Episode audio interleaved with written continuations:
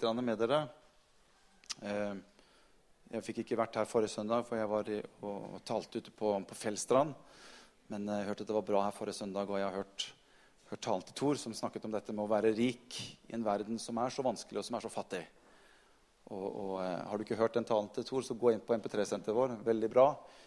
Praktisk, enkelt, tilgjengelig. Og, og veldig bra levert av, av Thor forrige søndag. Takk skal du ha, Tor. Eh, og det er en utfordring for oss, dette. Men la oss heller bruke det og søke Herren. Hva kan vi gjøre? Hva kan vi gjøre? Jeg har lyst til å dele noe med dere. Vi, vi, vi, er, jo liksom, vi er, jo her, men vi, venter jo litt på å komme tilbake til Kulturhuset. Jeg vet ikke om du er sånn, men jeg tenker litt sånn da. Liksom, åh, det blir deilig å komme tilbake til Kulturhuset. Men vi har det jo veldig bra her. Og du, hvor mange flotte møter vi har hatt her. Oi, oi, oi. Det er jo Hver gang vi er her, så er det noen som sitter her. Men det sitter jo i veggen her. vet du. Her sitter det i veggene her. Her trenger du ikke å gjøre mye før liksom Guds ånd begynner å virke. For her, her, her sitter det i vegga. Og det er nesten så det, det sitter i, i, veggene her. Og det er veldig veldig bra. Men vi gleder oss til å komme tilbake til, til, eh, til Kulturhuset også. Så, men vi, vi, skal være her nå, og så er det byfest neste søndag. Og så er det én søndag hit, igjen da den 7. september, hvor det da også blir to gudstjenester. Og da skal jeg fullføre det som vi skal starte på i, i, i formiddag. Jeg har, kalt, jeg har, kalt, den talen som jeg skal dele med dere, 'Er det noen fordel å være kristen?' Spørsmålstegn. Eh, nå håper jeg du går ut herfra i dag med et klart ja. Det hadde jo vært tragisk hvis du gikk ut herfra i formiddag og du, vet hva, 'Nå er jeg faktisk ikke så sikker lenger.' Det, det hadde jo så om jeg, jeg var litt sånn usikker. Skal jeg sette spørsmålstegn? Liksom, okay. Men det, det, var bare for å vinkle det litt annerledes. Fordi at, du vet at når jeg vokste opp, så, så, fikk jeg ofte høre det når jeg gikk på ungdomsskolen og videregående. at Det å tro på Jesus det er jo for de som er svake. Det å tro på Jesus det er jo for de som på en måte må ha noe. Og tro på må ha noe som ikke er såpass sterke i seg selv at de må liksom ha noe ekstra. og, og liksom ha i livet sitt, det er egentlig utgangspunktet for litt svake mennesker. Og det er klart, På den tiden der så opplevde jeg meg veldig sterk. Du er ung, du er fremadstormende, du har hele livet foran deg. Alt bare ligger til rette. Men så vet vi, når det går litt tid, så vet vi at vi mennesker vil komme opp i situasjoner, vil oppleve ting i livet hvor vi absolutt ikke føler oss så sterke lenger. Alle mennesker, tror jeg, på et eller annet tidspunkt opplever det. Så jeg tenker som så Er det en fordel å være en kristen? Jeg husker jeg sa da jeg var ung, at hadde det ikke vært sant noe av det Den hadde jeg liksom lært av fattern, da. Hadde det ikke vært sant noe av dette her, så hadde jeg likevel ville trodd på det. For det gir meg så mye likevel. Skjønner du tanken? Det jeg vil fram til, det er at jeg tror at mennesker generelt sett ønsker å ha noe å tro på. Hadde det å tro på noe ikke vært noe som på en måte lå latent i mennesket, så tror jeg vi ville sett en helt annen utvikling på det med å tro på noe i det hele tatt. Med den teknologien, med den informasjonen vi har i dag tilgjengelig for nesten alle mennesker over hele jorden, så ville det, det ville ebbet ut. Det ville blitt sånn til slutt at ingen trodde på noe. Ingen trodde på, Religioner bare forsvant. Nei, det er noe som vi holdt på med for, for, for, mange mange hundre år siden. For folk vil jo ikke tro på noe. Og, og da, da tenker jeg, Hvis det er sånn at selve mennesket i seg selv har noe i seg som ønsker å tro på noe, så tenker jeg det er en fordel å ha noe å tro på. Fordi at det gir på en måte en slags form for gjenklang i menneskets natur å ha noe å tro på. Det som skjer når du ikke forholder deg til en religion, det er at vi begynner å fylle oss med andre ting som vi tror på. Så noe sted i livet til mennesker så blir det alltid noe som på en måte gir oss en slags form for hva skal si, tilfredsstillelse i det søkende som mennesket i seg selv har i livet. Humanetisk Forbund, ja, de tror jo virkelig. De har jo sitt å tro på. Og vi tror på vårt. Og mennesket har noe i seg som ønsker å tro på noe.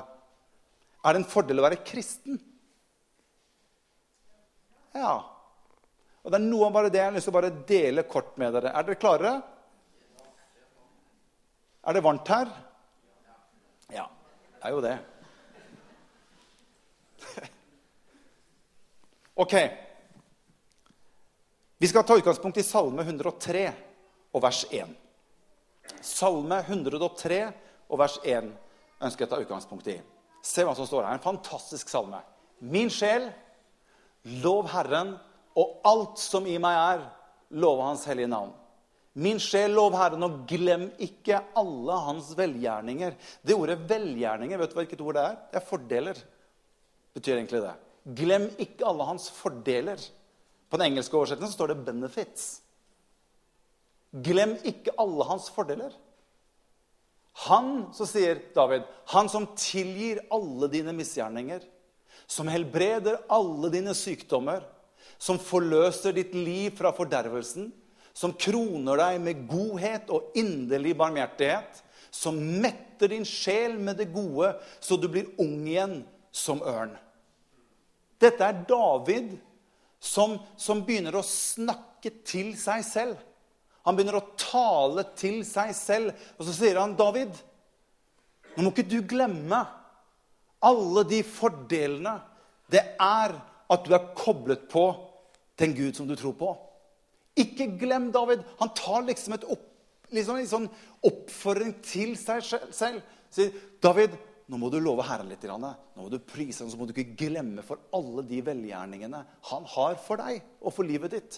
Og så nevner David noe. Hvis du tar neste, så har jeg bare delt det opp i Det er fem, det er fem ting som jeg ønsker å dele med dere. For det første sier David tilgir alle dine misgjerninger. Helbreder alle dine sykdommer. Forløser ditt liv fra fordervelse. Kroner deg med godhet og inderlig barmhjertighet og mette din sjel med det gode. Jeg vet ikke Jeg, jeg vet ikke. Syns vi dette høres greit ut? Hvis ikke det er noen fordeler i dette, så vet ikke jeg. Men David han kommer på at jeg må ikke glemme dette. Jeg må ikke glemme de fordelene som jeg har ved å være en kristen og være sammen med Jesus. Og han tar liksom sånn litt oppgjør med seg selv. Jeg ønsker å dele noen ting. Jeg ønsker bare å ta de to første i dag, og så tar jeg de tre neste punktene den 7. september. Tilgir alle dine misgjerninger. Når jeg tar imot Jesus, så mottar jeg guddommelig tilgivelse. Jeg får en tilgivelse inn i livet mitt som er guddommelig. Nå bruker, nå bruker David han sier, altså, han sier at han tilgir alle mine misgjerninger.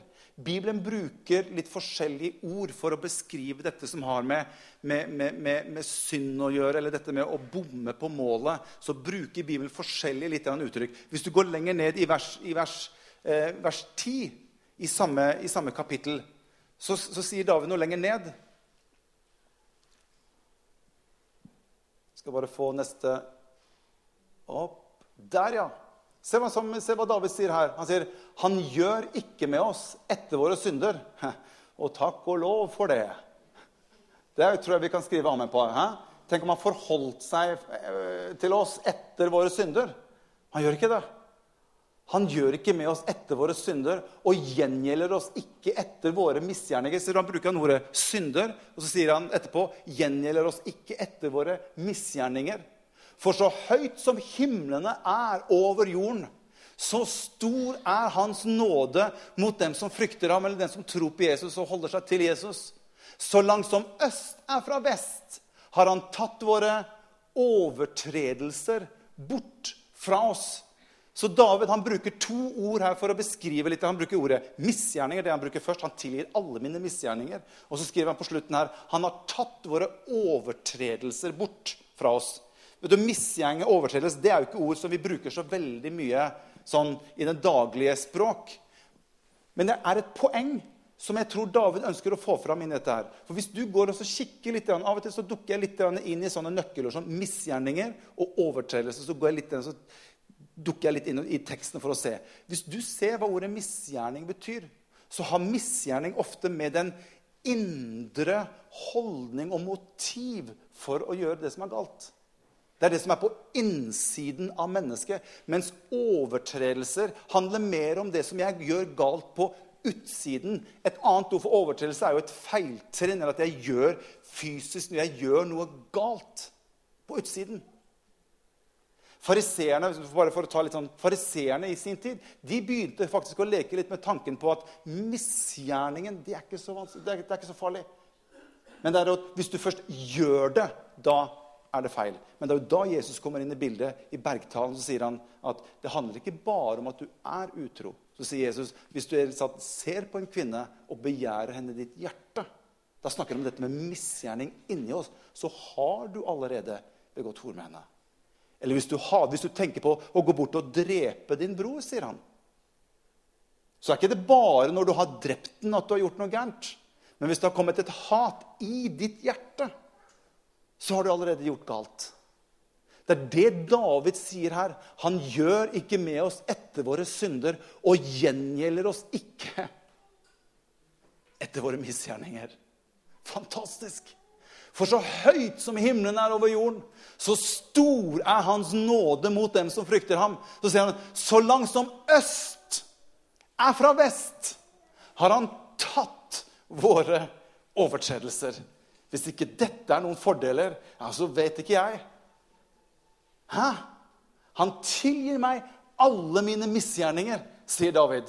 Du vet at Vi har ofte en sånn tanke med dette med at han tar bort våre synder. og det, Fremdeles så møter jeg på veldig mange kristne som har et anstrengt forhold til dette med å føle at man har gjort gale ting eller ikke. Og det er ofte, jeg, nevnte før, det er akkurat som man ser for seg at Gud han har et sånn stort filkartotek i himmelen over deg og meg. Har du, vært med, har du tenkt den tanken? Over meg så har han et kjempekartotek. Så når jeg kommer liksom til Jesus og ønsker å be om tilgivelse for et eller annet han har gjort, OK, du er her igjen. Ja, Morten. Skal vi se, Hva var det du ville be om tilgivelse for nå? Jo, det er sånn Ok, bare vent litt. Skal vi se. Skal vi gå bort til Morten her? Ja, der har vi det fint. Skal vi se. Skal vi se. Der, ja. Og det var Skal vi se, skal vi gå og bla inn? Skal vi se. Det var den der, ja. Skal vi se her. Hmm. Ja. Skal vi se 2008 ja, da, da ba de om tilgivelse for dette ti ganger. Skal vi se, 2008-2009 Da var det oppe i 15 ganger. 15 ganger ba de om tilgivelse for det 2010. 2011 Oi! 65 ganger! Ja, det vet du hva, det var jo når du hadde den Dere var ikke helt enige, du og din fru. Det var litt, det var litt, litt der. Det husker jeg. Ai, ai, ai, ai. Sånn har vi noen ganger en følelse av at Gud forholder seg til oss i livet vårt. Men det er dette som David ser her, som blir en åpenbaring for David. Det er derfor han sier at for så høyt som himlene er over jorden, så stor er hans nåde mot den som frykter ham. Så langt som øst er fra vest, har han tatt våre overtredelser fra oss. Han har ikke noe filkartotek. Han har fjernet hele filkartotek. Det er bare én mappe som ligger på ditt og mitt navn. Og når han tar opp den mappen, åpner den og ser navnet mitt, vet du hva det står der? Rettferdig gjort. Jeg vet ikke, om, åssen det er med deg, men jeg syns det er en fordel. Han gjør ikke med meg etter mine synder. Han gjengjelder ikke meg etter mine misgjerninger. For han har tatt det bort. Det er ikke lenger der. Gå tilbake til første skriftstedet. Derfor så tror jeg David han kommer inn og så sier han, min sjel, lov Herren. Og alt som i meg, lov Hans hellige navn. Glem ikke hva han har gjort for deg.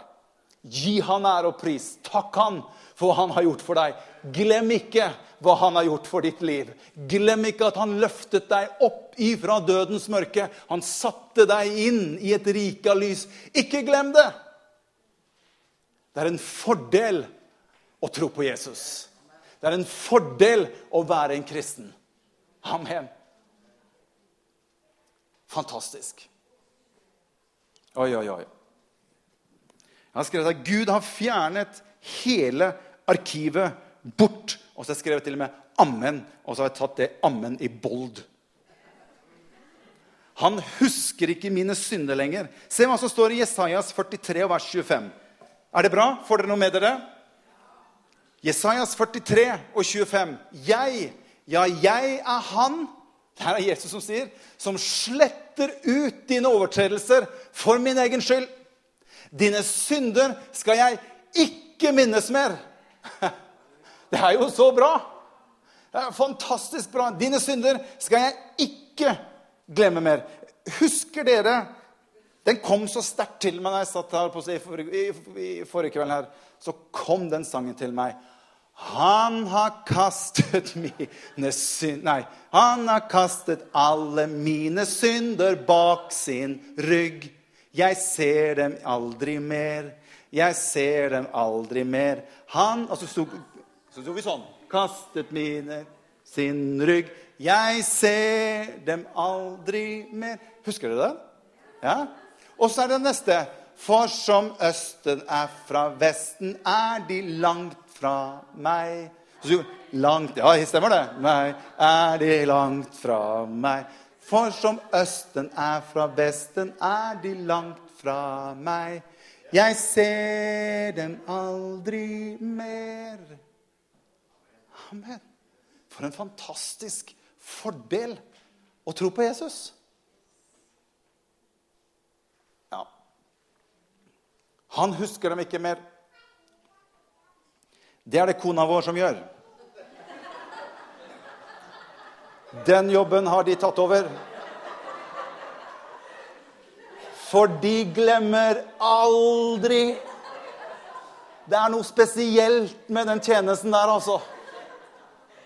Jeg husker nøyaktig Når, når hun begynner på den, da veit jeg.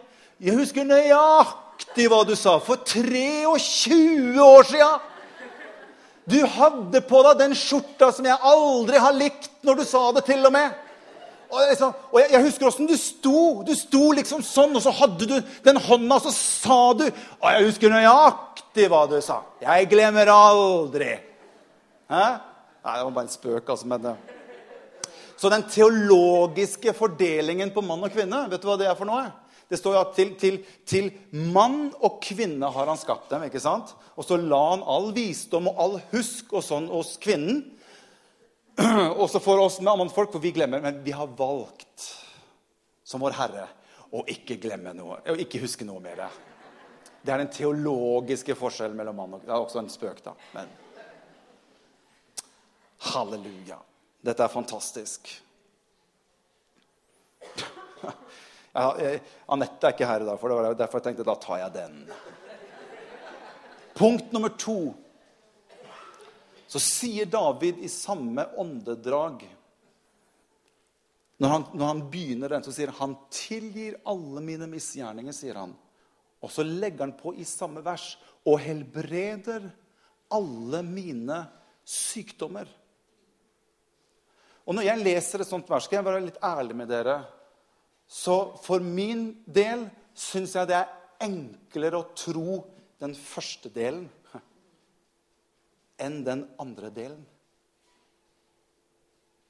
Det er enklere for meg å forholde meg til den første delen enn til den andre delen. Jeg kan godt ha en teologisk, kunnskapsmessig forståelse. Ikke, ikke, ikke misforstå meg.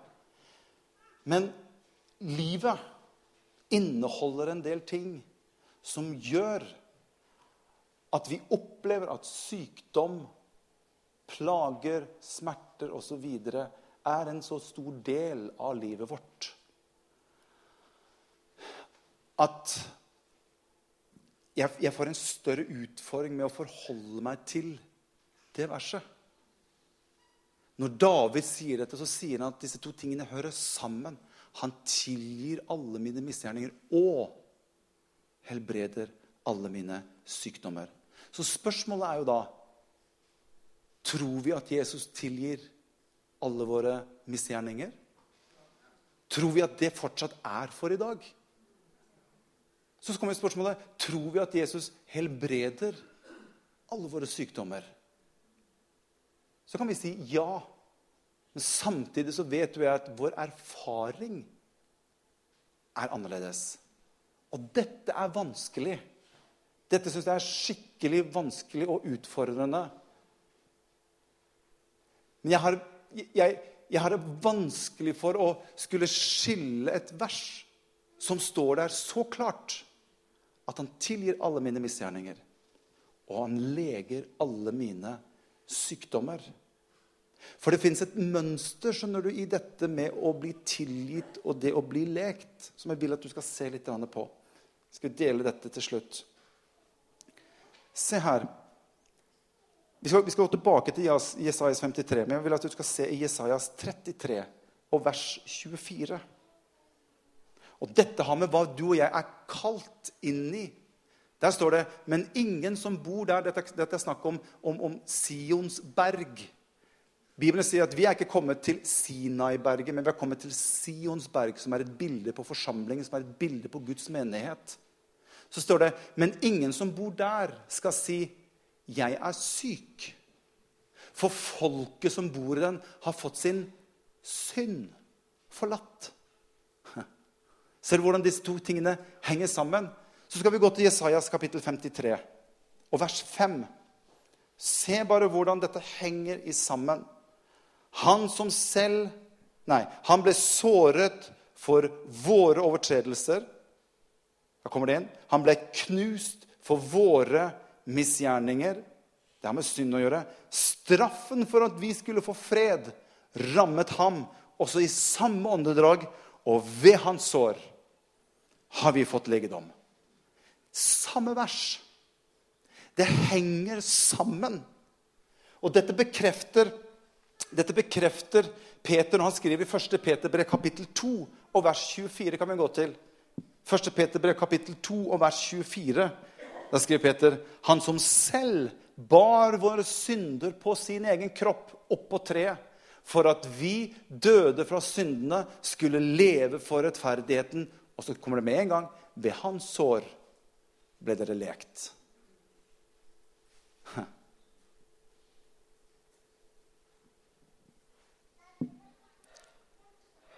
Et skriftsted til slutt. Se hva som står i Matteus kapittel 8 og vers 16. Når det står der at han ble lekt Det ordet 'lekt' er et gresk ord som heter 'sotso'. Det er egentlig et ord som betyr egentlig å bli gjort hel. Og det er å bli gjort hel både til ånd, sjel og til legeme. Så når man bruker gresk og skriver ordet 'sotso', så brukes oversettelser for forskjellige. Når det står at hver den som tror på han, skal bli frelst. Det er det samme ordet som sotso. Det er det samme ordet som står her. Bli lekt. Det har noe med å bli lekt til ånd og til sjel og til legeme. Men så kan vi tenke ja, men hvorfor, da? Hvorfor? Jeg må si jeg har ikke alle svar. Og Jeg tror ikke det er gitt oss å ha alle svar heller. Men jeg ønsker å tro Guds ord. Jeg ønsker å holde fast på det som Guds ord har sagt. Se hva som står der. Da kvelden kom, førte de til ham mange demonbesatte. Og han drev ut åndene med et ord. Og så står det og helbredet noen som var syke. Er det det det står? Han helbredet alle som var syke. Slik at Fantastisk. Det som, slik at det ble oppfylt som var talt ved profeten Jesaja, når han sier han selv tok våre skrøpeligheter og bar våre sykdommer. For å oppfylle det som profeten Jesajas, så gikk han bort og så helbredet han alle som var syke. I Kristus Jesus så kan du og jeg få lov til å oppleve å bli frelst.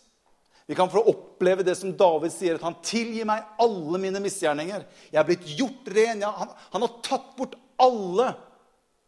All min synd har han fjernet. Men hør Selv om han har tatt bort alle syndene våre, så opplever jo du og jeg noen ganger ja, Ikke jeg, da, men jeg vet at noen av dere gjør det. Å falle i synd. Jeg gjør ikke det mer. Det er også en spøk. Vi opplever å falle i synd. Ja, Men har ikke Jesus tatt bort våre synder, da? Jo, men likevel Så lenge synden er her, i denne verden, så er vi tilgjengelig for at den kan ramme oss på en eller annen område. Og jeg tenker noen ganger på samme måte er det med sykdom. Jesus han har tatt vår sykdom på seg. Likevel, så lenge sykdom er her, så kan vi som mennesker falle inn under den. Men jeg tror likevel at han ønsker å frelse mennesket. Og han ønsker å helbrede mennesket, for det ligger i hans natur. Han ønsker å helbrede alle som er syke. Og vi vet at når vi kommer til himmelen en gang, så står det der skal det ikke være mer tårer. Der skal det ikke være mer skrik. Der skal det ikke være mer smerte. For et håp vi har i Kristus. Jeg har mistet to nære hva skal vi si, venner i sommer. Jeg mistet først min arbeidskollega, som jeg har jobbet med i mange mange år. Ikke, ikke her i kirken, men i den andre jobben jeg har. Han fikk kreft. Bare litt over 60 år. Familie. Og den kreften spiste han opp. Han døde rett før sommeren. Og jeg fikk sitte ved sengen hans på slutten. Og det er så rart at da begynner man plutselig å snakke om Gud. Du skjønner, du skjønner, Troen det er bare for de svake. Vet du hva? Vi er noen ganger svake. Det er derfor vi trenger en sterk Gud. Og når jeg fikk sitte der, med, så sier jeg til ham, du, vil du at jeg skal be sammen med deg? Så sa ja, kan ikke du gjøre det, Morten? Så fikk jeg ta han i hånda der. Og så fikk jeg bedt en bønn sammen med han.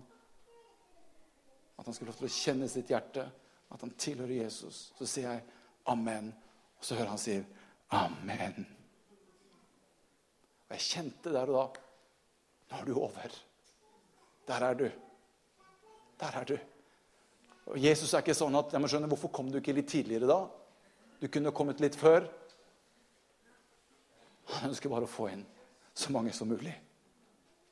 Amen, sa han. Og så mistet vi vår kjære onkel Arnfinn Kilvær litt senere ut på sommeren av kreft. Og Jeg må si, jeg må ha lyst til å si to ord om onkelen min, Arnfinn. Som har opplevd i sitt liv å miste tre gutter.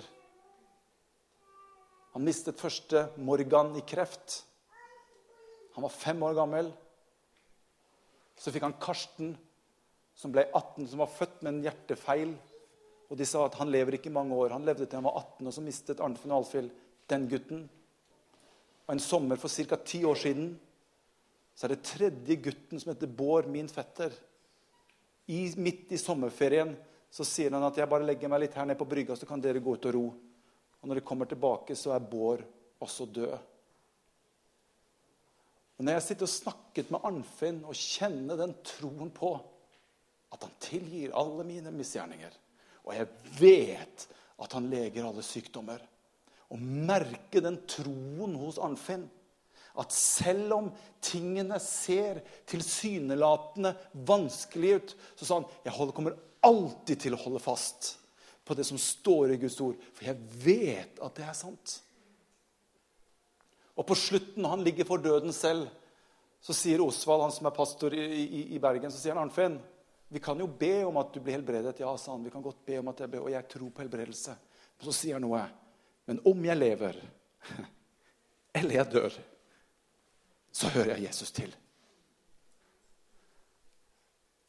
Hvis ikke det er en fordel å ha denne troen i livet vårt, så vet ikke jeg. Jeg vil i hvert fall ha den. For jeg kjenner at den bærer meg, den gir meg håp. Den gir meg styrke og kraft når det er vanskelig. Det er en fordel. Og som David sier, Glem ikke dette, dere. La oss ikke glemme så lett. Men la oss love han og takke han og prise han. Kan vi ikke få det bildet nummer to som viser alle disse velgjerningene hans? Se hva David sier. Han tilgir alle dine misgjerninger. Jeg kan si mine. Han tilgir alle mine misgjerninger. Han helbreder alle mine sykdommer. Han forløser mitt liv fra fordervelse. Han kroner meg med godhet og inderlig barmhjertighet, og han metter min sjel med det gode. Hold fast på Jesus. Hold fast på han i ditt hjerte. Ikke la han få lov få stor avstand fra deg. Når nærmere du kommer Jesus, så metter han din sjel med det som er godt. Halleluja. Amen. La oss reise oss opp, alle sammen. Det var det som jeg hadde lyst til å dele med dere i formiddag rundt disse tingene her. Og jeg, dere, dere må få med dere fortsettelsen. Den blir veldig bra. Oi, oi, oi. Bare det å komme inn på det man kro... Ja, jeg skal ikke si noe nå. Det kommer. Du må bare få det med deg. Jesus er her. Jesus er her.